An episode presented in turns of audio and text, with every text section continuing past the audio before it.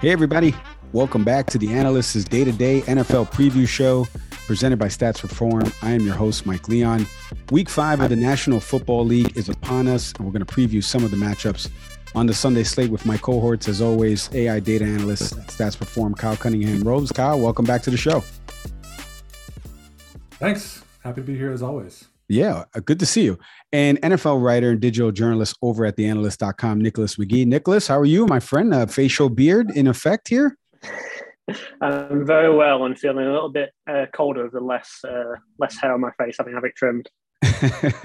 well, that's good. You know, especially if it's getting colder, the facial hair will work well. Uh, you can welcome to the club, uh, as KCR mentioned off air. Um, so let's get let's get right into it, guys, because uh, you know this is a weird week. When I was looking at some of the matchups that we wanted to discuss, um, there's some games that are kind of weird, and there's some surprise teams. We're going to start with our first matchup across the pond with the Giants and the Packers, and one of those are is surprise team is the New York Giants. They're three and one. They've had a weird year so far, winning that that that crazy game down in Tennessee in Week One, going for two in Coach Daboll's first year over there at the Meadowlands in New, in East Rutherford, New Jersey. The Packers are three and one as well. They've won three straight after their first Week One loss uh, to the Vikings. Now this game, I love saying this in Tottenham Stadium over there across the pond. Uh, let's get a prediction. Uh, excuse me, prediction. Let's get a little analysis on on each of these teams. Uh, KCR, I'll start with you. Giants Packers, very intriguing matchup. Daniel Jones got hurt last week. Then he had to come back in because of a concussion to Tyrod Taylor. Um, a very weird scenario. He got booed when he was coming back in. Somehow, though, the Giants have won that game. They're three and one. They haven't really played anybody uh, of note so far. And the one team that they have played in the division, they lost to the Cowboys at home. And like I said about the Packers, they're on a little bit of a row. Aaron Rodgers starting to heat up. What do you make of this matchup? Yeah, I'm as shocked as anybody that the Giants won. I think we still have them as our our, our 29th best team, uh, third worst in the league uh, fourth worst, I guess.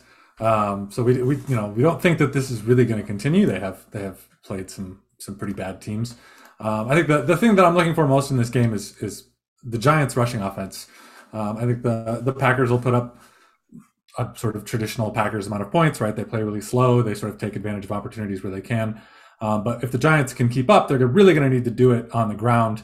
Um, in terms of, of run blocking, this is this is actually our fourth biggest mismatch of the week in favor of the Packers defense. Uh, they have kind of a polarizing rush defense. Uh, their, their, players win rush uh, matchups about 42% of the time. That's eighth best, uh, but they are 22nd in the league in yards per carry.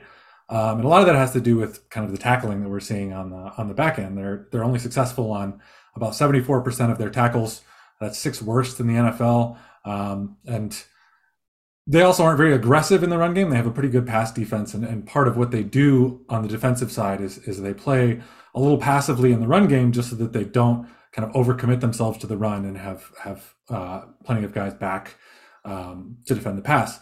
Um, that's not really what you need against a team like the Giants, who don't have a very good pass offense. Uh, they're gonna rush the ball. They're gonna they're gonna give it to Saquon a bunch. Uh, this year, he's he's averaging 3.7 yards added per rush. That's a little bit like yards after contact, but we're kind of measuring from his first interaction with the defender instead of first contact with the defender. Um, NFL average for running backs about 3.2, so he's he's better than average there. Um, he's not necessarily the most elusive running back. He doesn't sort of force a ton of missed and broken tackles, but he's a little like Derrick Henry, where he just he will get some extra yards just about every time, uh, and that's really where the Packers are not very good. Um, so my big question for the game really is do the Packers take a different defensive approach uh, against a team with a really poor passing offense? Do they play a little more aggressively to the line of scrimmage against the run? Um, and if not, are they just going to give it to Barkley 60% of the time? Um, I mean, we even saw them have some success out of the Wildcat using Barkley. Um, yeah, that's that's my big question for this one. Yeah, the the Giants did switch to that offense when Jones got hurt, and that's excuse me when Taylor got hurt. Actually, they both got hurt during that sequence. Uh, I forgot to mention at the top of, or maybe I did mention it, that the stats and insights you hear and see are presented by Pressbox Live. Here, Stats Perform's new tool, and you can head to statsperform.com today to see how uh, NFL teams, leagues, and uh, broadcasters are utilizing this tool to help augment their game day coverage. Um, one stat I wanted to give you, you just mentioned about the Giants and their and their pass offense that is not to be. Uh, in that win, the 20 to 12 win over the Bears on Sunday, the Giants did not have a single wide receiver with 20 or more receiving yards in the win. It's the second time doing so in their last six games Funny enough, the Giants had one such instance over their last 231 games. That is a crazy stat. And again, courtesy of Press Box Live. Nicholas, uh, what are you looking forward to in this matchup between the Giants and the Packers in London? Uh, myself and uh, KCR Clay had very similar notes. I can only hammer home what he was making about the point he was making about the uh, Packers' run defense. It was the um, the problem in the 2019 NFC Championship game, and the problem against the Bucks in that NFC Championship game, and it still seems to be a problem. And it's the second level again. The linebackers aren't getting the job done, allowing 4.97 yards per rush, which is 11th for most of the NFL. And they gave up, gave, 100, gave up 167 rushing yards to the Patriots and allowed Bailey Zappe to take them over to overtime, which nobody saw coming. Rhamondre Stevenson and Damien Harris really did a great job of keeping the Patriots offense going in that game, a, a close one that nobody expected. And Saquon Barkley, yeah, he's he leads the league in rushing with 463 yards. He's got 12 rushes of 10 yards or more, which is better only by Nick Chubb with 15. So it's can you keep them in it? Can the Packers stop him? And can Saquon keep him in it? And uh, I'll be there at Tottenham to see if to find out the answer to that question, which I'm very excited about. There we go, and we'll have some photos share. You can follow uh, Nicholas on yep. Twitter. He, other than the Niners and tweeting about them all the time, see some action from the Tottenham game. Uh, why don't Why don't we stay with you, Nicholas? Uh, give me a prediction for for this game between the Giants and the, and, and the uh, Packers. Uh, I can't go against the Packers. I still think this it's going to be a Packers home game because it's the first time they've played in London. It'll be close, but I think I'll give it to the Packers 21 17. KCR, what about you? I've got uh, Packers also 26 14. Yeah, I think the Packers are going to roll here. Uh, I don't see this being very close. I watched a lot of that Giant game on Sunday. And again, the Bears offense under Fields on the road has not been particularly great since his, you know, early two year uh, career so far out of Ohio State. Uh, I think Fields will be good down the road, but for some reason the Bears couldn't get things going against that Giant defense. Just don't think the Giant offense is enough in this game. And I think uh, Rodgers is onto something right now, and he and especially the way he played in the second half of that game against the Pats. Uh, I like the Packers as well, 28 to 14. Let's move into our second matchup, a division rival in the AFC East. One team that is missing their quarterback, and we all know the what's going on there from a medical perspective with Tua and the Dolphins as they head to the Meadowlands to take on the Jets. The two and two Jets, the surprise Jets so far that have won some crazy games like they won last week in Pittsburgh against the Steelers and Kenny Pickett. They won a crazy game on the road against the Browns, all AFC North opponents, by the way. So they're getting that schedule out of the way. They just played the entire AFC North and they're two and two against it. Dolphins are three and one. Speaking of AFC North, they just lost last Thursday to the Bengals and lost Tua potentially for the season. Teddy Bridgewater will take over. Nobody knows yet if Tua will come back after back to back diagnosed and undiagnosed concussions in successive weeks. Um, let me start with you, Nicholas. What are you looking forward to in this Dolphins Jets matchup? what should people be watching for? My eyes are going to be fixed on uh, on Zach Wilson. Uh, can he keep it going? I mean, last week his debut after coming back from that knee injury, kind of a classic Zach Wilson performance. A long stretches, there was a lot of mistakes. There were some kind of weird decisions and desperation heaves. But when he needed to, those final two drives, he was on. He went six six in the final drive against Pittsburgh he looks full of confidence. So he brings like have confidence of weapons around him. He's got good weapons around him now with Breece Hall running back, Garrett Wilson, the stud rookie receiver, got Elijah Moore, who's underrated receiver from last year's draft, and Corey Davis, who's really kind of flown under the radar, but he leads all receivers in what we, what we call here at stats perform burn rate, which is how often you're getting open. Essentially, you're getting open 75% of the time. That's tied for the most among receivers with 20 targets or more and he leads in burn yards per target, which is another metric we've got off that, and in big play rate with 56.1% of his players going for a big play. So he's really playing well in this early stage of the season. And as much as the Dolphins can give people trouble with how often they blitz and stuff, they do give up quite a lot of yards against the pass, 7.43 yards per pass play, second worst in the league behind the Seahawks. So if Zach can keep that momentum going from what he did in the end of last week's game, this could be a really close game. Yeah, he played really well in that in that second half of that game, and Kenny Pickett actually too as well played pretty well, and they're turning over the reins to him in Pittsburgh. KCR, what are you looking forward to in, in the Dolphin Jets matchup here? Well, I'll piggyback a little bit on, on what Nicholas said before I get into the to the other side of the ball. Um, but the but I, my really note is my note here is is can Zach Wilson be good? Um, he's I think I, I, run our fantasy projections here. We've got the Dolphins as our top defense uh, of the week. Uh, Wilson is known to turn the ball over repeatedly, take tons of sacks, holds onto the ball forever. Um, that is probably compounded by a fact uh, by the fact that his offensive line has been has been brutalized by injuries. They've got their their right guard Alijah Vera-Tucker playing left tackle now. They just lost their rookie right tackle for a while. Uh, the Dolphins are a really creative blitzing team, uh, and for an offense that's had to reshuffle offensive linemen around, um, that could be kind of a big problem for Wilson. Uh, but I, for me, really, what I, have been I've been impressed by the Jets defense so far. I know that they've they've been gashed uh, for some big plays here and there, um, but we think that their their secondary is pretty good. Uh, Sauce Gardner looks pretty good.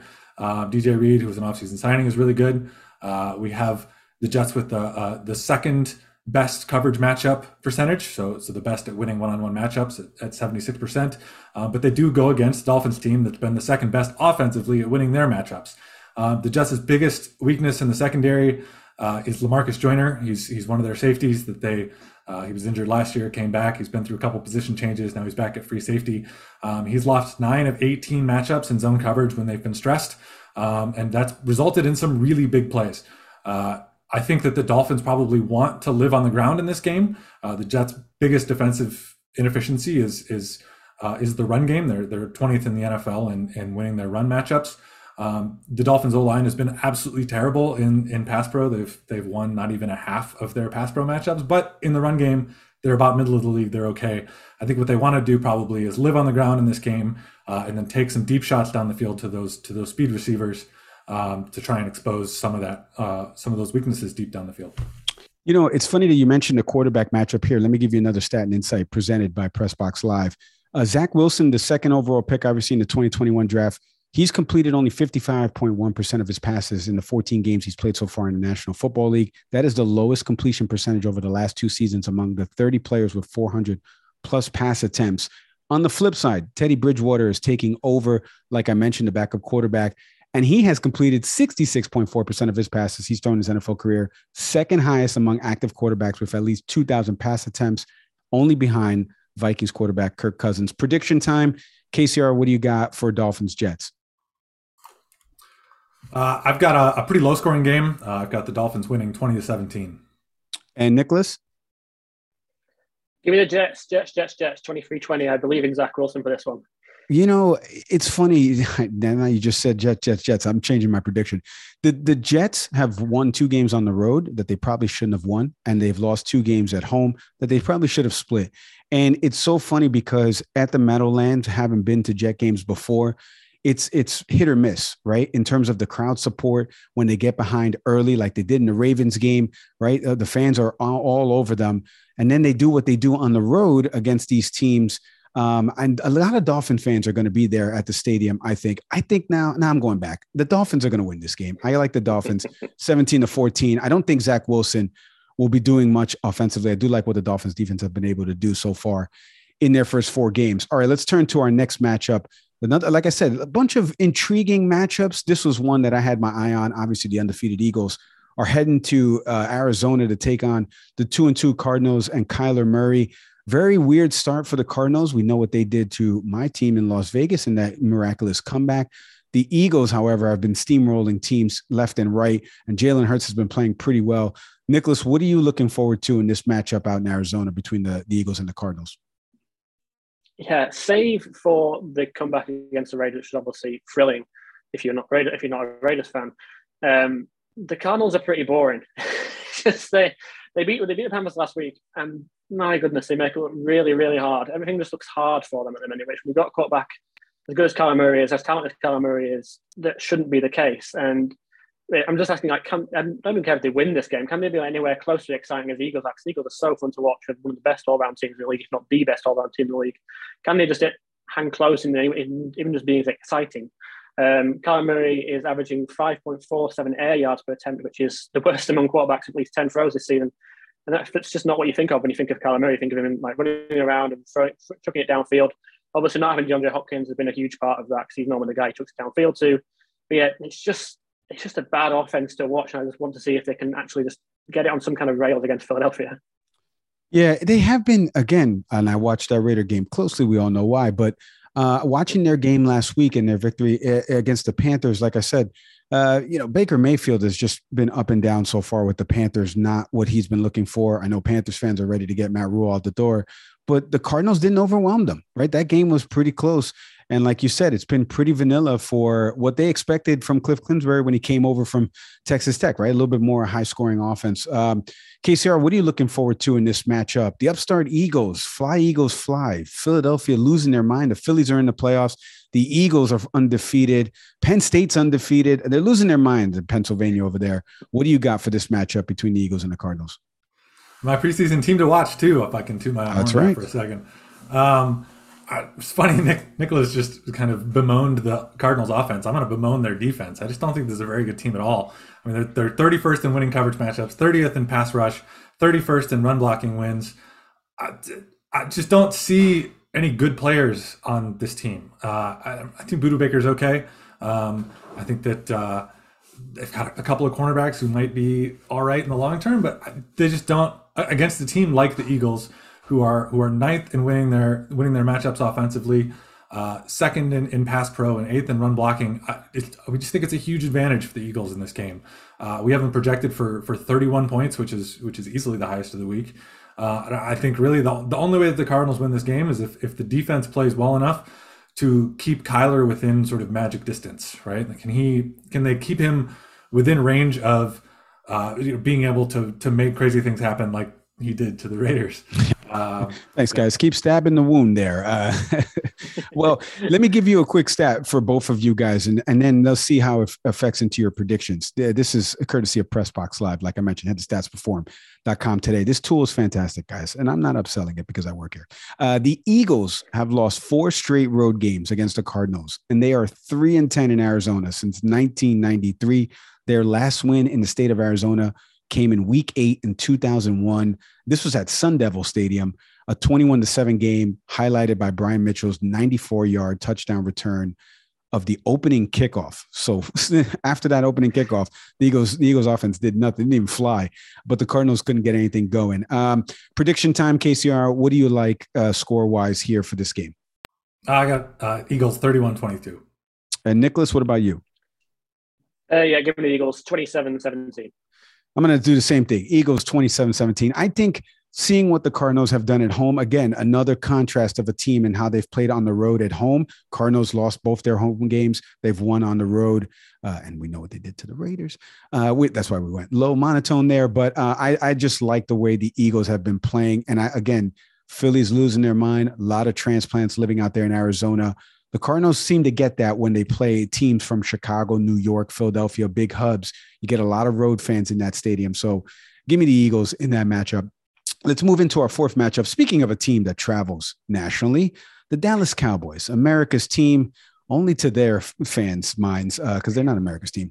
Um, the Cowboys head to LA to take on the Rams, right? The defending Super Bowl champions. An in- intriguing matchup here because Sean McVay uh, a lot has been made of what is happening offensively. This offensive guru and the Rams just lost to Nicholas's Niners uh, on Monday Night Football, only scoring nine points. I'm going to give a stat and insight on that later on. But the Rams haven't looked like what they looked like last year towards the end of the season, or maybe they have, some people would say. And meanwhile, the Cowboys are sitting there without Dak Prescott, Cooper Rush at quarterback. They're three and one. They trounced the last two division opponents with the Commanders, and then obviously winning in the Meadowlands against the Giants. Uh, and, and for not week one, Dak getting hurt and and a lot of pressure on Dak and not being able to move the football and losing 19 to 3 to the Bucks, they're on a three-game winning streak with Cooper Rush.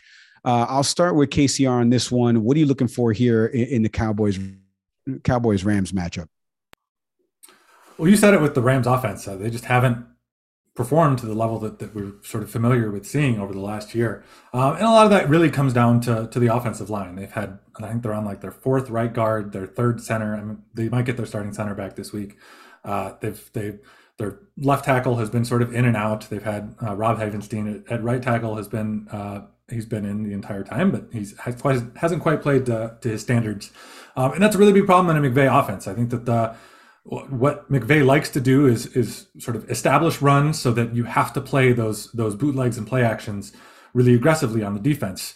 Uh, and, and, if you cannot establish the run at all, what what you can do on defense is you can keep that that backside defensive end instead of pursuing the run to the play side, you can just keep him there and immediately go and rush the passer. Um, that that sort of is exactly what you don't want if you're McVay because you need those routes to develop uh, down the field, those deep crossers and the and the deep routes to sort of clear out safeties and free up Cooper Kupp in an intermediate area. Um, the Cowboys one the one area of their defense that's been sort of less than average is their run defense. Um, but the but the Rams are, are, are 23rd in quality rush percentage on the ground. Uh, they really haven't been able to get anything going. Um, I, I, if they can keep out of their own way, I think they're going to be fine. Um, and I think the defense will, will, probably keep them in the game. Um, but if they turn the ball over a number of times, as they've been sort of want to do the last couple of weeks, um, it could get pretty ugly. Nicholas, what are you looking forward to in this matchup? I just talked about uh, home teams kind of losing their edge and, and being inundated by road fans. This is a prime example of what SoFi Stadium is going to look like on Sunday as Cowboy fans are going to be loud and, and proud in that stadium. What are you looking forward to in this matchup between the, the boys and the Rams? Yeah, so the only, the only bad thing about Monday Night Football over here is even though the Niners won, I couldn't make any noise because everybody else in my house was asleep. So even as uh, Deebo Samuel's making me lose my mind with that incredible uh, touchdown. I can't make any noise about it. So it's kind of a frustrating experience in a way. But yeah, I, am carrying it on from that game. Can the Rams block anybody? Because they just couldn't on Monday night. They could not block a single 49ers defensive lineman effectively, and the 49ers have an incredible defense, maybe the best in the league. But it's not going to get any easier against the Cowboys. Uh, 21 pressures, uh, according to, stats perform. Um, pressures can be a quite subjective stat depending where you look, but that's what we have most given up against the Niners. And the Cowboys have the personnel to do the same against. I can't keep track of who's on this Rams offensive line, the amount of injuries they've got. You've got Micah Parsons, obviously. You've got Dorance Armstrong playing well, and you've got Demarcus Lawrence saying, "Hey, don't forget about me. I'm still one of the best pass rushers in the league."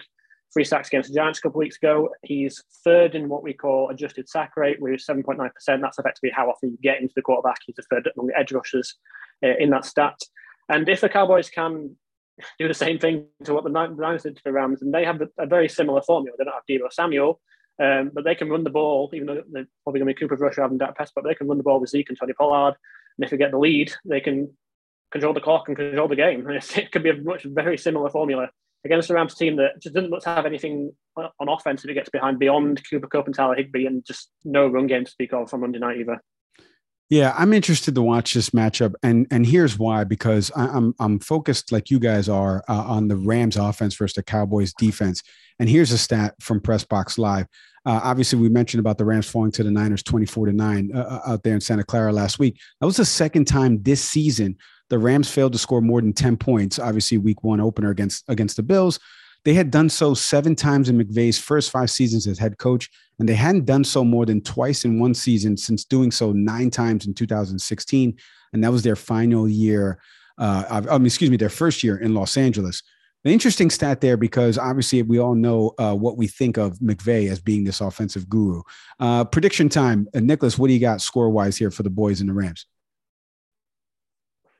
Uh, tight one again. I'm going for the close game sweep. I think that that, that road team uh, having this edge in SoFi might just give it to the Cowboys. I'm going to go 20 to 17 to Dallas. KCR, what do you got? Yeah, actually, I run our uh, our home field advantage calculations too, and the Rams have have the worst one in the league because usually they're they're outnumbered at home. Um, I do still think that the Rams are good. I think they have really good players. Uh, I've got I've got the Rams 23-17. You know, I think I hate to invoke Stephen A. Smith, but the Cowboys sometimes are an accident waiting to happen.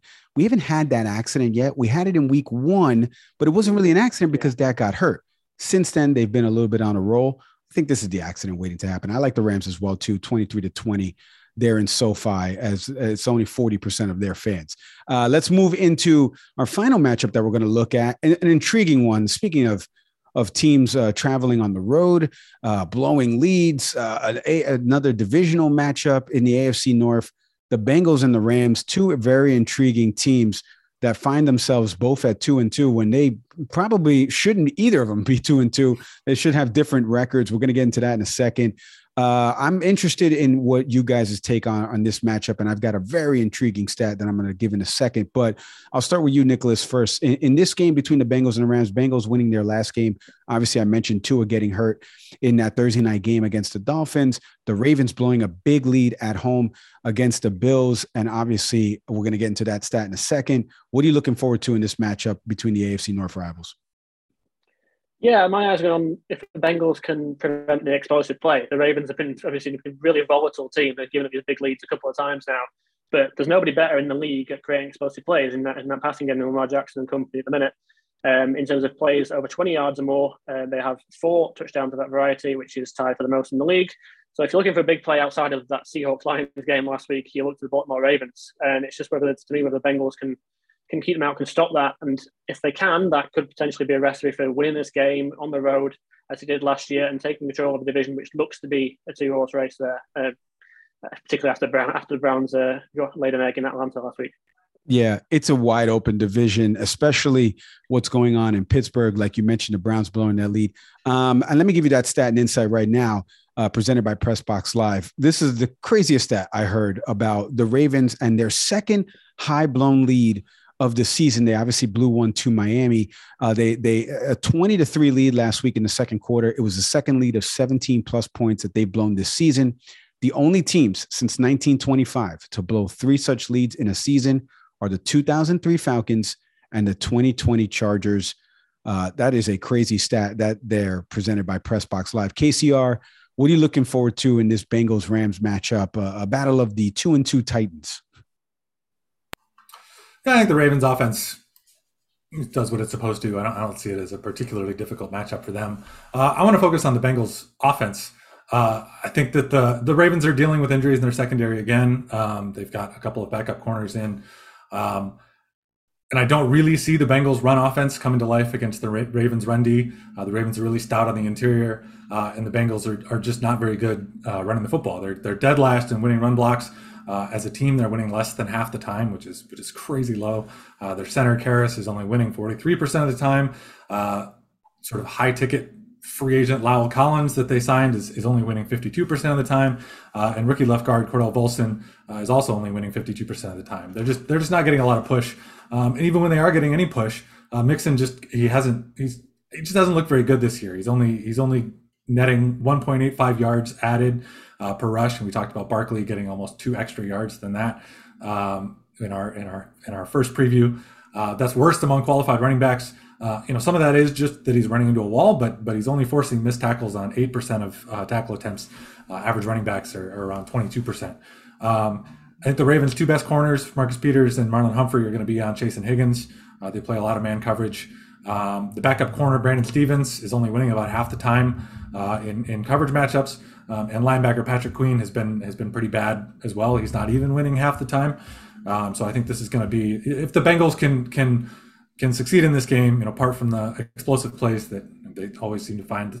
Uh, I think that, that Tyler Boyd and Hayden Hurst, the tight end, uh, are really going to have to be the two guys who who make some plays for Burrow. I'm interested to see how the Ravens bounce back here. Uh, you know, after blowing that big lead, and and we've seen the the presser clips of Coach Harbaugh and what he has said to the team. I don't think there's a better coach in the league, at least at motivating people to forget about the previous week to go to the next week. So prediction time, uh, uh, KCR. Let's start with you. What, what's your prediction on this game? This is a funny one because our model actually predicts an overtime. Uh, it's 24-24. Um, I'm going to go 24-23 Baltimore just because uh, Justin Tucker Justin Tucker doesn't miss kicks or extra points, and the the or the uh, Bengals kicker has missed a couple this year. So I think something like that really is what turns this game. That's true. Two good special teams units there. Uh, Nicholas, I turn to you. Uh, Bengals Ravens prediction. Yeah, it's, uh, I'm, I'm going to stick on the Baltimore side as well. Go with uh, Ravens winning the close one. I feeling one 30 to 28. Yeah, I like the Ravens as well too.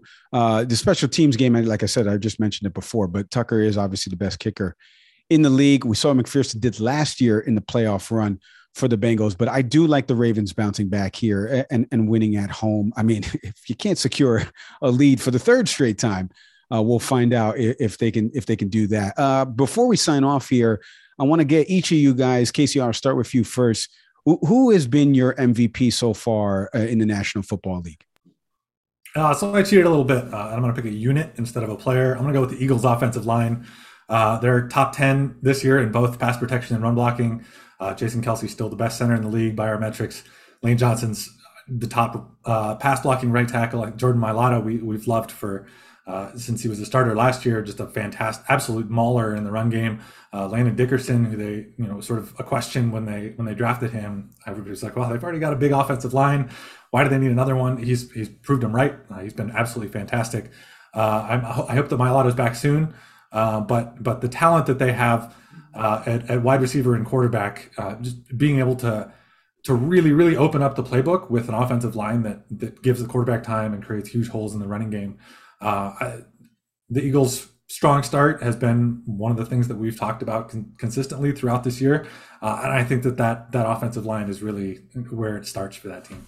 Yeah, they have been really good. You've been all over the Eagles, so credit to you in their 4 0 start. Uh, well, no credit to you. You don't play on the Eagles, but you know what I mean. Uh, Nicholas, uh, NFL MVP doesn't necessarily have to be a player, it could be a unit like KCR just mentioned there. Who, who has been the MVP for you so far through, through five weeks? I'm going to go with a player. I'm going to go with Buffalo Bills quarterback Josh Allen. Um, I don't think there's been a better quarterback in the league um, through the first four weeks of the season. He's a second most accurate quarterback in the league by biometrics, uh, well thrown percentage of 88.8%, which trails stunningly only Geno Smith, but I don't think Geno Smith's going to MVP. So I think Josh Allen's got a little bit more to his game than Geno, as good as he's been. Um, Allen's also doing amazing things on, on the ground. He's averaging over six yards per carry and he's he's delivered those defining moments. He's put a team on his back in Miami and wasn't quite able to get them over the line, and that that game is going to be remembered for a long time for a variety of reasons. And he's got the comeback on his resume against uh, against the Ravens last weekend as well. So I think through the first quarter of the season, Josh Allen's been the, probably the most valuable player in the league for my money. Yeah, you know, Sands for me, Sands uh, one little blip in Indianapolis against a team that they probably shouldn't have lost to Patrick Mahomes has been one of the best quarterbacks in the league as well. 11 touchdowns so far, three touchdowns passing last week against the Buccaneers in that Sunday night matchup. Uh, I expect more as they get set to take on my Raiders on Monday Night Football. The, the Chiefs are 15 and three. You want a stat and insight presented by Pressbox Live 15 and three in their last 18 matchups against the Raiders. And we have not been able to contain Mahomes. Uh, the last time we won was a road matchup in a very high scoring matchup where Mahomes threw for three touchdowns in that game. I think he'll have more. I think he's going to, I think the Chiefs are going to win the division first and foremost. They already have one in the bag against the Chargers. And so I think Patrick Mahomes, when it's all said and done, will probably win the MVP of the National Football League. Uh, we leave it there. My thank yous, as always, to Kyle Cunningham-Rhoads, Nicholas McGee. You can follow both of them on social media, Twitter, LinkedIn, whatever it is. Follow us. For the show, follow us on YouTube. Uh, we'll be back in two weeks with a preview again of week seven in the National Football League. As always, I am Mike Leon. Thank you, everybody, for watching, listening. We'll see you next time.